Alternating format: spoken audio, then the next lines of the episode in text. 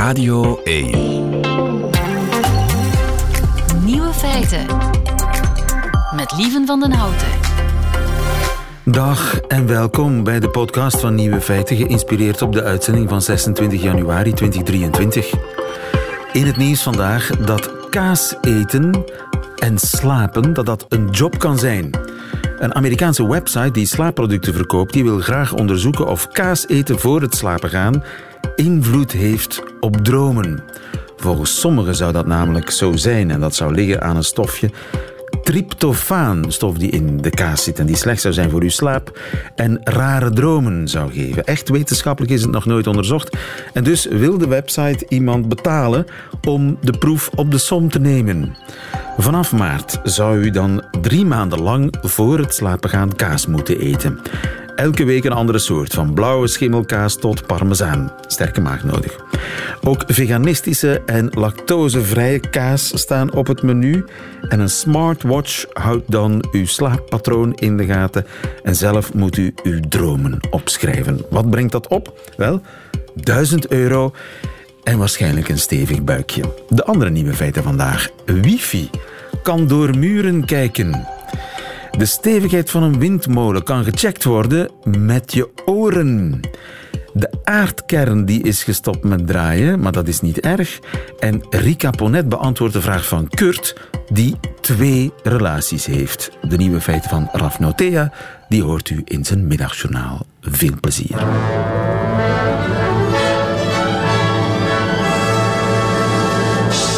Nieuwe feiten. Held van de dag is Maximilian, die de stevigheid van een gebouw kan checken met zijn oren. Goedemiddag, Maximilian. Ja, goedemiddag.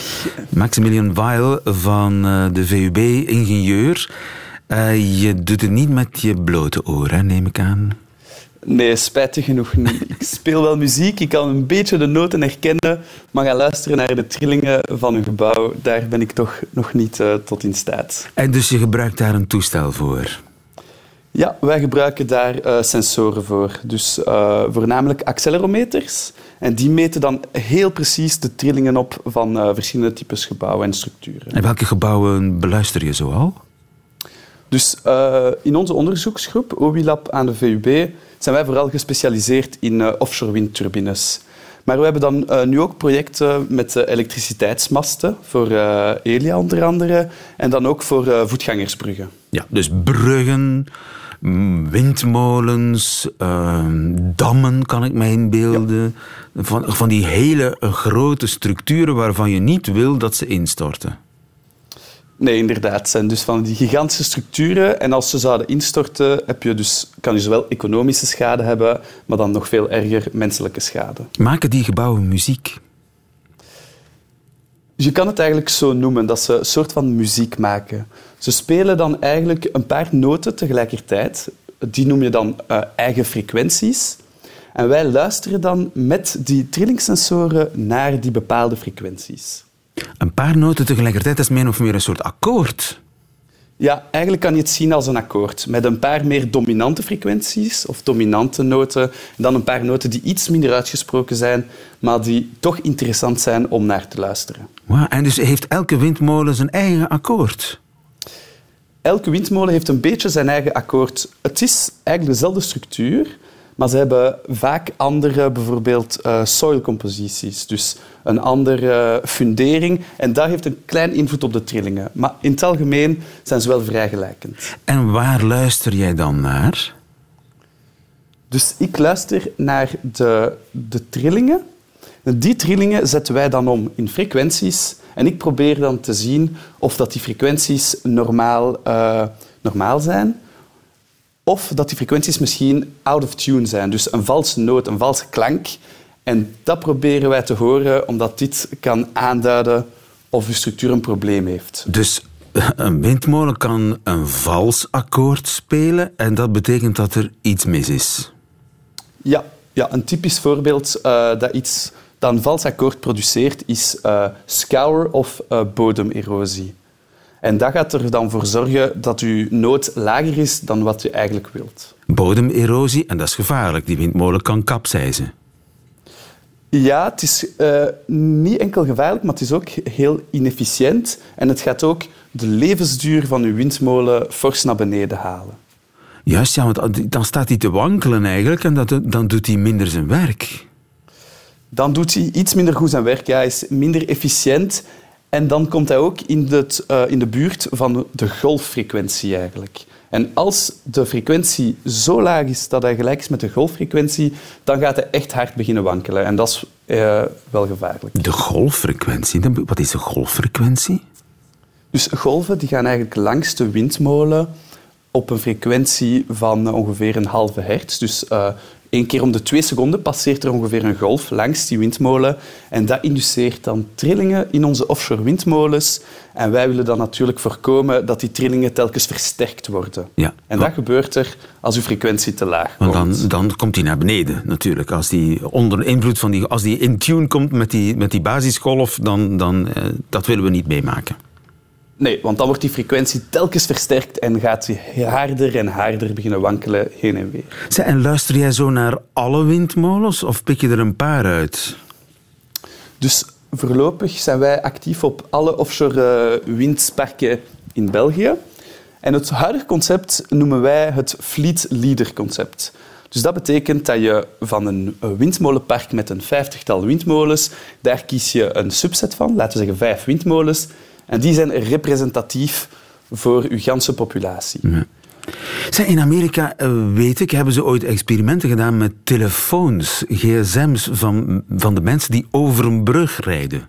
Is dat ongeveer hetzelfde? Dus zij proberen eigenlijk hetzelfde te detecteren als wat wij doen met vaste sensoren. Maar daar komen dan nog een paar nieuwe uitdagingen bij komen. Want je zit natuurlijk met een uh, sensor die minder, uh, iets minder nauwkeurig is en op een voertuig dat beweegt over een structuur. Dus ja, niet op een vaste een vering, plaats. Ja. ja, en met een vering, met demping in je, in uw, in uw auto. Dus ze, ze maken het zichzelf iets moeilijker dan wat er eigenlijk nu al bestaat. Ja, je zou gewoon die sensoren op de brug zelf kunnen plakken. Je hebt daarvoor geen uh, rijdende telefoons van mensen nodig die uitgerust zijn met een app die eigenlijk veel onnauwkeuriger is dan, dan de sensor die je op de brug kan plakken. Inderdaad. Dus vroeger was, was er wel vraag naar, omdat sensoren vroeger vrij duur waren. Maar de prijs van die sensoren is eigenlijk de laatste jaren fors omlaag gekomen. En vandaag de dag zien wij daar wel... Oké, het is een tof experiment, maar wij zien daar de, uh, het potentieel op, om dat op industriële schaal te brengen misschien nog niet direct. Ja. Heb je al een ramp weten te voorkomen, Maximilian? Um, persoonlijk nog geen grote ramp en dat is uh, gelukkig. Maar uh, wij proberen natuurlijk continu te zeggen tegen de windmolenbeheerders of hun windmolens goed zijn en of ze nog uh, jaren kunnen blijven meedraaien. Ja, maar als het zover is, dan uh, zal Maximiliaan aan de alarmbel trekken en daar zijn we heel blij om. Uh, dankjewel, Maximilian Weil van de VUB. En nog veel succes met uw werk. Nog een fijne dag. Ja, fijne dag nog en hartelijk bedankt voor het interview. Vraag het aan Rika.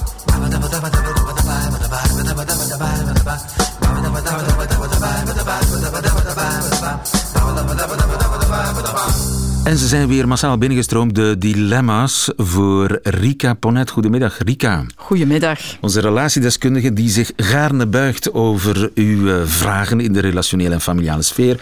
En we hebben een kwestie binnengekregen van Kurt, de Kurt-kwestie, zeg maar. Kurt schrijft, Gina en ik zijn meer dan twintig jaar samen en ik hou van haar. In de kern zijn we een erg goed koppel. We hebben pret, kunnen overal over praten en zijn een goed team. We hebben een heel tof dochtertje van zes, hebben stabiliteit, boeiende jobs. En toch, zo'n tien jaar geleden had Gina iets met iemand anders. Toen ik het ontdekte, was ik er kapot van. Maar ze overtuigde me ervan dat ik de ware was voor haar en dat ze altijd voor mij zou kiezen. Intussen bleef ze die andere man zien, hadden ze ook seksuele contacten, maar het was duidelijk dat ik steeds op de eerste plaats kwam, schrijft Kurt. Met de geboorte van onze dochter kwam daar verandering in. Er kwam een einde aan haar tweede relatie. We kwamen als koppel in rustiger vaarwater, tot ik een jaar geleden stapelverliefd werd op Marjolein. Een fantastische vrouw die tien jaar jonger is dan ik. Ik vroeg Gina of ik Marjolein kon zien, net zoals zij dat had gedaan met die man. En ze vond het goed. We maakten duidelijke afspraken over wat en wanneer, net zoals Gina dat had gedaan. Maar na verloop van tijd wilde ik steeds meer bij Marjolein zijn. En nu zijn Marjolein en ik helemaal niet meer casual. Casual, hè? Dat, dat is, dat is een nieuwe term, hè? Ja, ja, casual. ja. We zijn We zijn casual. Dat betekent zo friends with benefits. Casual. Het, eh, Vriend, vriendschap met een beetje meer. ja. Maar ze zijn niet langer casual.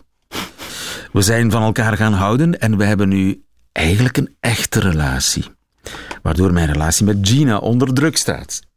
In plaats van één open relatie heb ik nu dus twee concurrerende relaties. Het is een gespleten situatie en ik voel me de hele tijd schuldig tegenover zowel mijn gezin als tegenover Marjolein. Gina wil nu dat ik kies. En ik denk dat ze gelijk heeft. Maar hoe moet ik kiezen tussen een langdurige relatie, waar intussen wel wat frictie heerst en sleur op zit, en een nieuwe, frisse relatie die fantastisch loopt en veel potentieel heeft? Kurt vraagt toestemming volgens mij. Ja, ik ging juist zeggen, het klinkt toch al een beetje alsof er gekozen is. Hè. Denk je?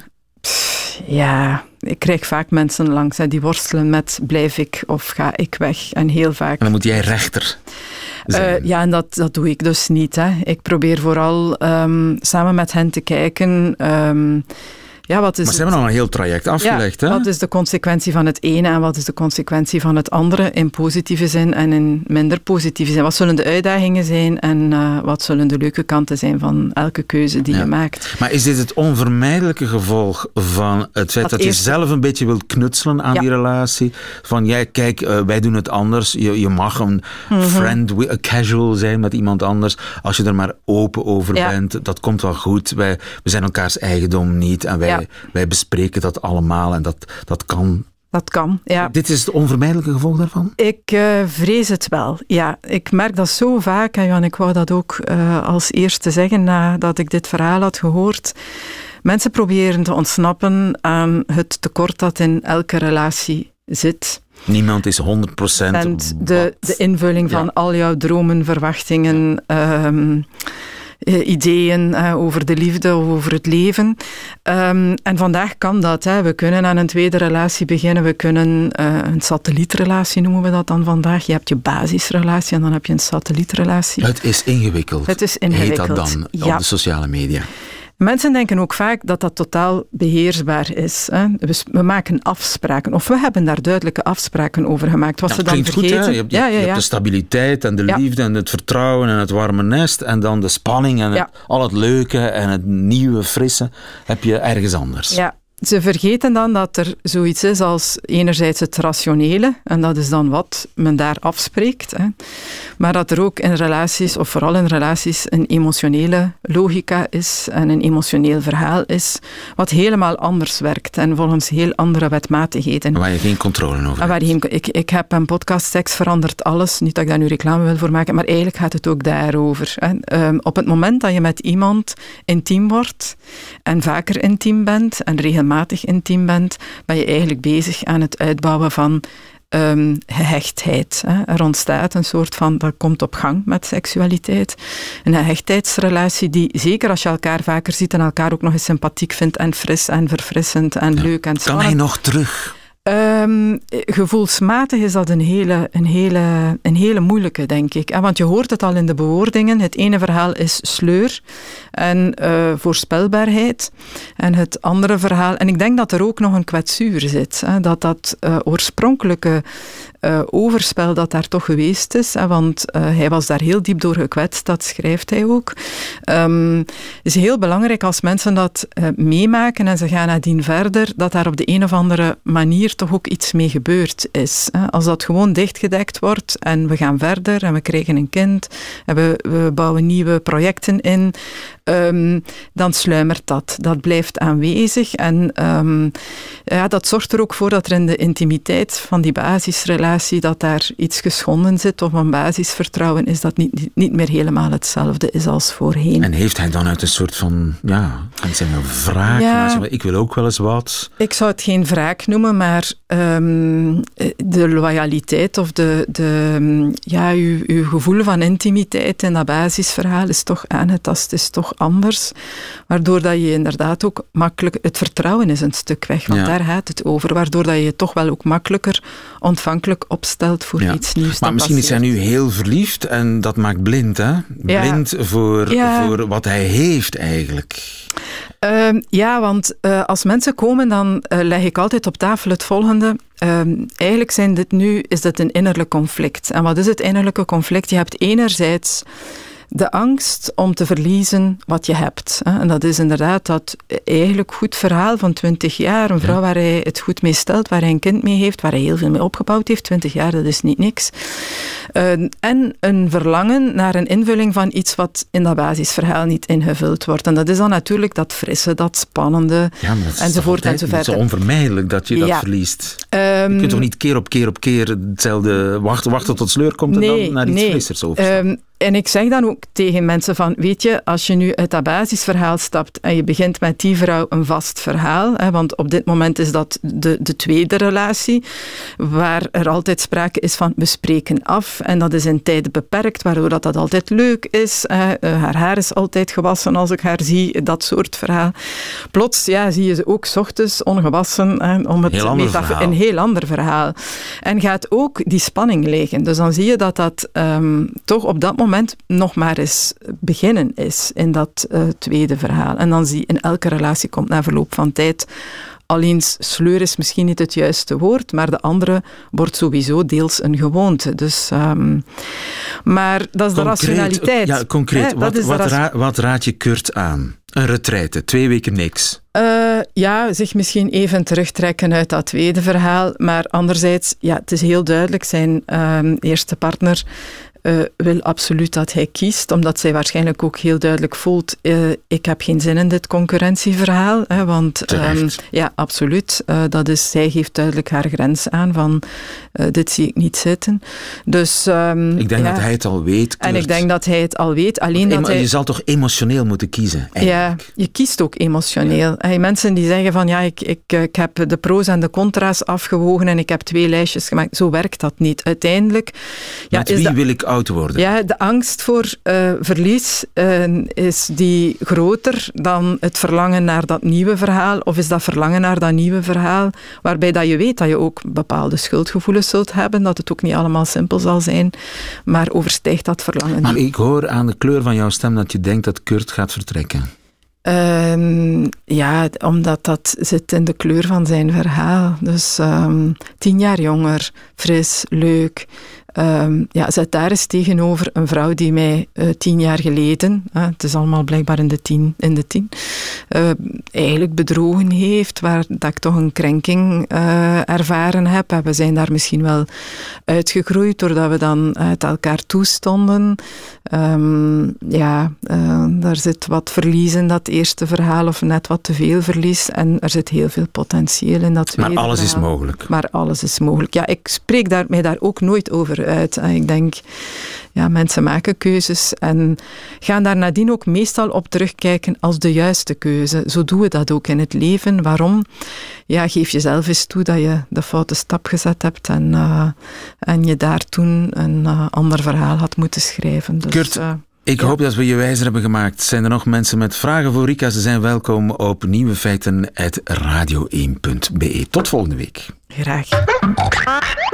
Nieuwe feiten.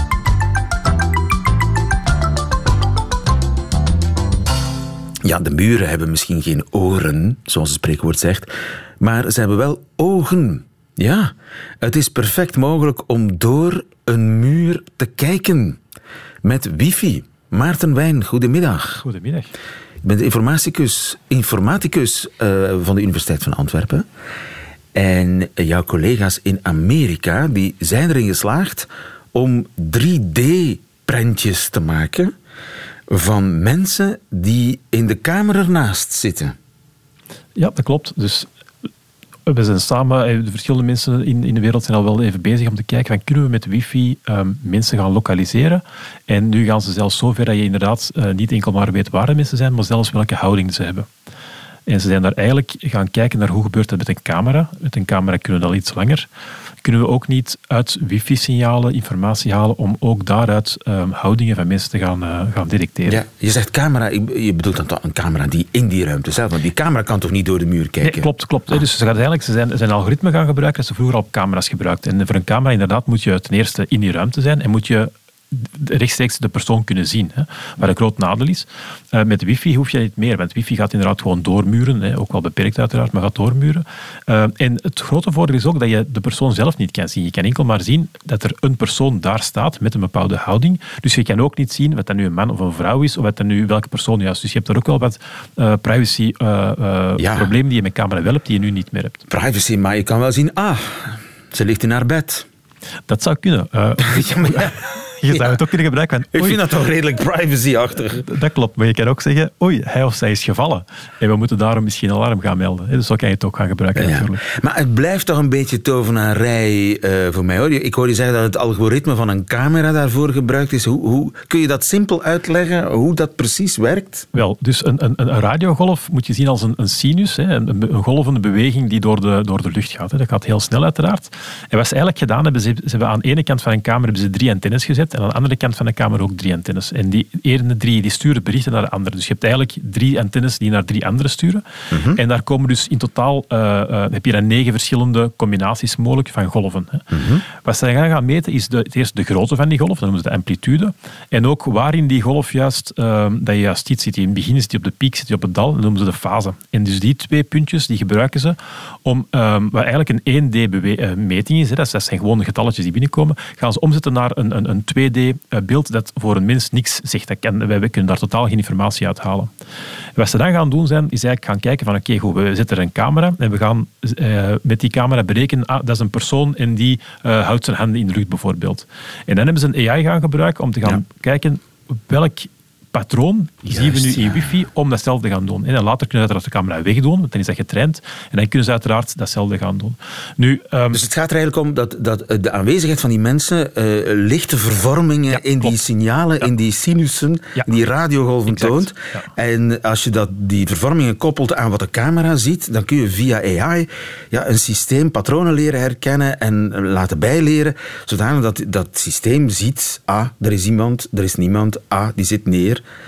enzovoort. Klopt. En hoe meer, begrepen. Ja, en hoe meer devices je hebt, hoe meer informatie je kan geven. Want je kunt ook met veel minder, kan je al detecteren dat er iemand is, bijvoorbeeld. Ja. Dat zijn gebruiken voor... Uh... Ja. Ik moet wel zeggen, ik ben gisteren naar Lieve Scheire gaan kijken over AI, dus ik heb veel bijgeleerd. Dat moet ik wel... Dus, dus uh, de, dank u, Lieve Scheire. Ja, een schitterende show. Een schitterende show. Absoluut, dat mag gezegd. Ga kijken als je nog plaatsvindt.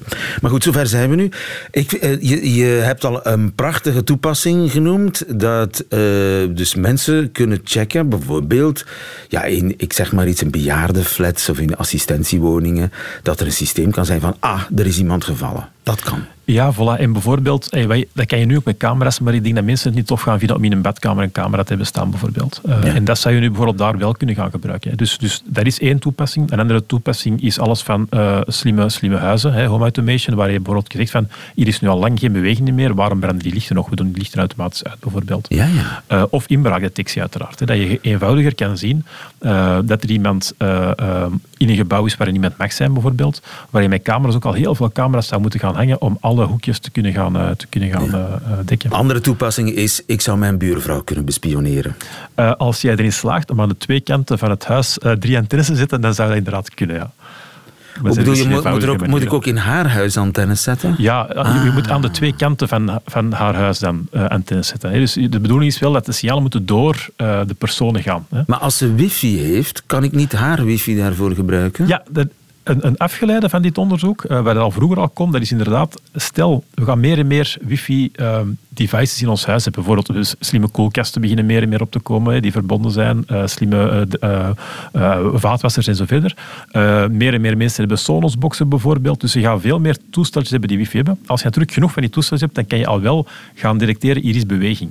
Ehm, om dat nu bij je buurvrouw te doen, moet je uiteraard wel ehm, in die router gaan hacken bijvoorbeeld. En moet die router ook wel uiteraard dat gaan toelaten. Hè. Het is niet omdat je wifi hebt dat je dat kan. Hè. Je moet er uiteraard wel wat speciaal algoritmes op gaan, eh, gaan gebruiken en zo verder. Ja, maar dus de, in de toekomst gaat dat zeker lukken. Als er, als, als ik kan de huiswifi van, van mijn buurvrouw uh, capteren en daar dan van alles uit afleiden dat geeft nog eens aan dat iedereen die het verbonden toestellen heeft, heel hard moet nakijken dat alles uh, goed beveiligd is en verder. Hè. En dat je zeker niet als je wifi access point installeert, daar het standaard paswoord op laat staan bijvoorbeeld. Ja, ja. ja ik moet haar wel hacken eerst voor ik het uh, kan. Ja, klopt. Ja.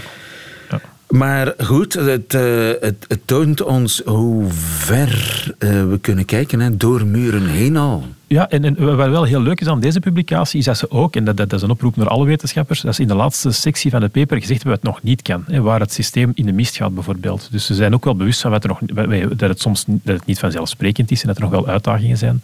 En dat is wel heel tof dat ze ook daar heel open in zijn van zie, dit kan het systeem al wel en dit kan het systeem nog niet bijvoorbeeld. maar ja, kijk eens tien jaar in de toekomst, wat kan het systeem dan? Ja, voilà. We mogen er soms niet aan denken toch? Of net wel als je het juist gebruikt. Maarten Wijn, dankjewel. Met veel plezier. Goedemiddag. Nieuwe feiten.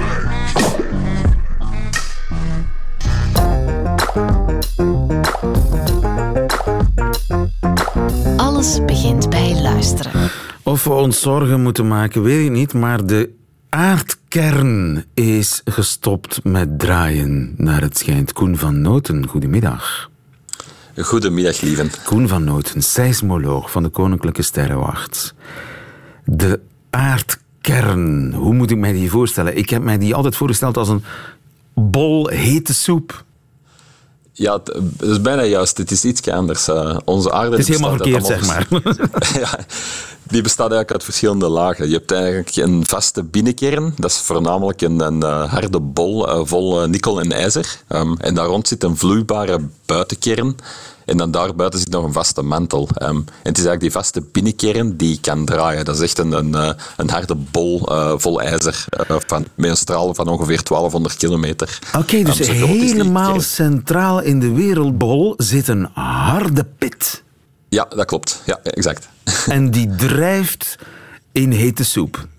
Ja, dus um, die draaide eigenlijk rond. Dus die draait uh, rond in, in oostwaartse richting. Um, oostwaartse richting, oei. Is dat, is dat de draairichting van de aarde? Ja, de draairichting van de aarde. Draait mee met ons. Altijd, ja, dat klopt, ja. En men heeft dus altijd gedacht dat um, dus die binnenkern iets sneller draait dan de aarde zelf draait. En die sleurt als het ware eigenlijk het aardoppervlak mee.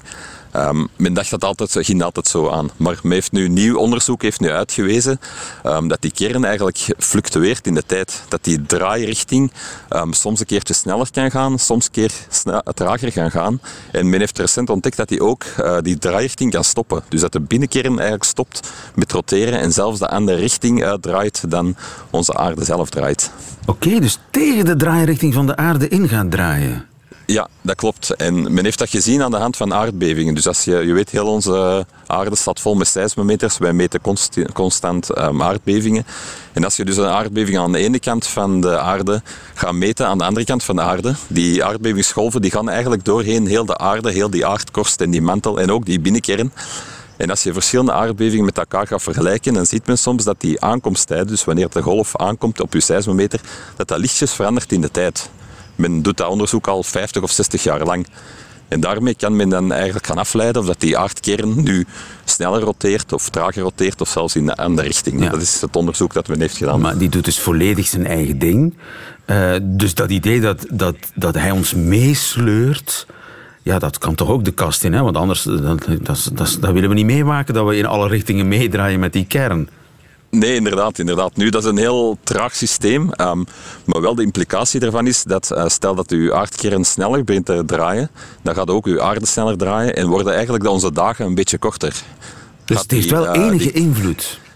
Het heeft wel enige invloed. En stel dat die kern nu in de andere richting is beginnen draaien, um, dan gaat het eigenlijk uh, die, onze draairichting gaan vertragen en worden onze dagen langer. Um, en dat, is, dat gebeurt ook gewoon zo? Ja, dat gebeurt dus. Men heeft dat nu ontdekt, dat sinds 2010 ongeveer, um, dat die draairichting uh, veranderd is. Um, maar de impact ervan is eigenlijk dat onze dag nu enkele milliseconden langer duurt. Omdat die, ja, die rotatie tegenhoudt.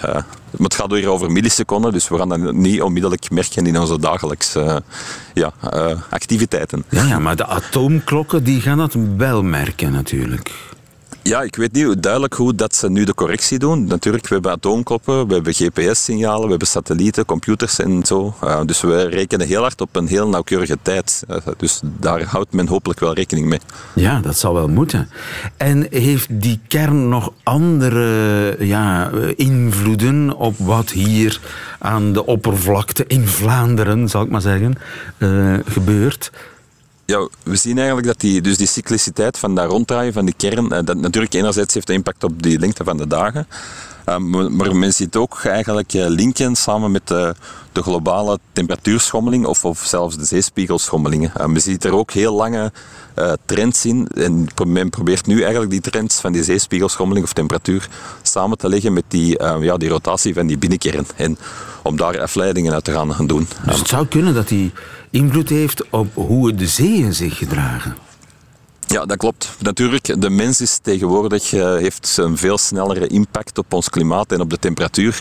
Dat, je, dat heel moeilijk gaat worden om die lange termijn trends natuurlijk uit, uit die, die curves te gaan halen. Um, Ik denk dat de mens veel sneller een invloed heeft op onze temperatuurstijging en daarmee ook de zeespiegelstijging dan eigenlijk die binnenkern dat zal doen. En doet die kern ook iets aan het, aan het aardmagnetisme? Um, het, is vooral, is eigenlijk vooral de buitenkern dat zorgt voor die magnetisme, maar, nu hebben we natuurlijk wel een interactie. Hè. Die binnen- en die buitenkern die zijn continu met elkaar in interactie. Um, dus het, uh, magnetisme zou ook wel lichtjes kunnen veranderen. Ehm, je weet dat doorheen de tijd onze polen soms zijn omgeswitcht, dus dat de Noordpool eigenlijk de Zuidpool is geworden en omgekeerd. En men onderzoekt nu verder wat de info, eh, ja, eh, hoe dat deze interactie loopt tussen die twee, tussen die binnen- en die buitenkern. Ja, en dat zou dus inderdaad met die, die kernen, en wat bedoel je met de buitenkern, is dat dan dat vloeibare? Dat is dat vloeibare, ja, uw vloeibare soep, als het ware. Ja. Ja, eh, We weten nog heel weinig, heb ik het idee, over wat zich daar diep onder ons afspeelt. Ja, het, probleem is dat we natuurlijk nog maar eigenlijk eh, een, jaar of 60, 70 uh, goede seismologische data hebben om onze aarde te bestuderen. Um, dus we gaan eigenlijk echt wel een lange trend van observaties nodig hebben in seismologie om nu nog heel duidelijk te kunnen begrijpen uh, hoe dat die structuren en de, die dynamiek van onze aarde eigenlijk uh, ja, zal verder gaan in de toekomst. Ja, spannend. Koen van Noten, dankjewel. Goedemiddag. Graag gedaan. Dag. En dat waren ze meteen, de nieuwe feiten van 26 januari. Alleen nog die van Raf. Raf Notea, die krijgt u nu in zijn middagjournaal. Nieuwe feiten. Middagjournaal. Je zou denken dat het onwenselijk is om naast een illegale wietplantage te wonen, maar eigenlijk kan ik het alleen maar aanraden. Geen jengelende kinderen, geen ergerlijk schuivend zitmeubilair. Geen gestofzuig of een radio die veel te vroeg veel te luid staat. En dat allemaal terwijl je zelf kabaal kan maken naar hartelust. Dat laatste is misschien nog het grootste voordeel. Zeker de afgelopen jaren, toen corona de horeca gekortwiekt had en huiskamerfeestjes een hoogconjunctuur beleefden. Ik herinner me een paar bijeenkomsten in mijn living. Door de maatregelen waren die bescheiden in opkomst, maar in decibels waren ze des te genereuzer. En nooit werd er geklaagd. Oké, je moet er wel de aparte geur in je slaapkamer bij nemen. Maar die stoort eigenlijk niet. Zeker omdat je hem toch niet kunt thuisbrengen. Dat er amper beweging is bij de buren heb je ook niet door. Je leeft in heerlijke onwetendheid. Tot de brandweer op een loze vrijdagmiddag de deur naast de jouwe inbeukt. Ze moeten naar binnen, maar krijgen de bewoners van het huis niet te pakken. Logisch, blijkt achteraf. Er woonde niemand. Het huis was omgebouwd tot een computergestuurde wietplantage, compleet met volautomatisch irrigatiesysteem. Hoe ingenieus! Tenminste, zolang er geen slangetje scheurt. Want dan is er dus ook niemand die kan ingrijpen wanneer het water urenlang met liters tegelijk de trap afstroomt en uiteindelijk onder de voordeur de straat opgutst. En zo komt er dus een abrupt einde aan de illegale wietplantage die jouw leven paradoxaal genoeg wat zorgelozer maakte. Want wanneer maanden later alle water- en vochtschade in het huis is hersteld, trekt er een Somalisch gezin van zes naast je in. De vader is een taxichauffeur met onmogelijke uren. De kinderen kaatsen ballen in het rond en krijsen dat het een lieve lust is. En wanneer ik nog eens volk verwelkom voor een feestje, staat zonder waarschuwing plots de politie aan de deur. Gebeld door de buurvrouw. Die kinderen moeten slapen, dat begrijpt u wel, hè, meneer? We zetten het dansen noodgedwongen verder op café.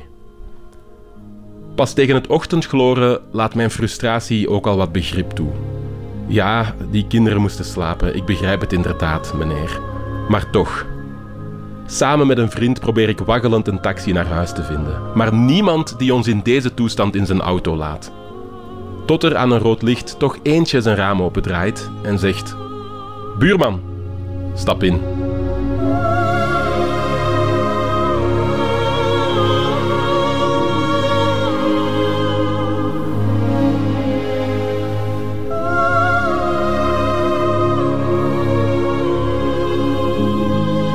Het middagjournaal met en van Raf Njotea. Einde van deze podcast. Hoort u liever de volledige nieuwe feiten met de muziek erbij. Dat kan natuurlijk live elke werkdag tussen 12 en 1 op Radio 1 of on demand via de Radio 1 app of website. Tot een volgende keer.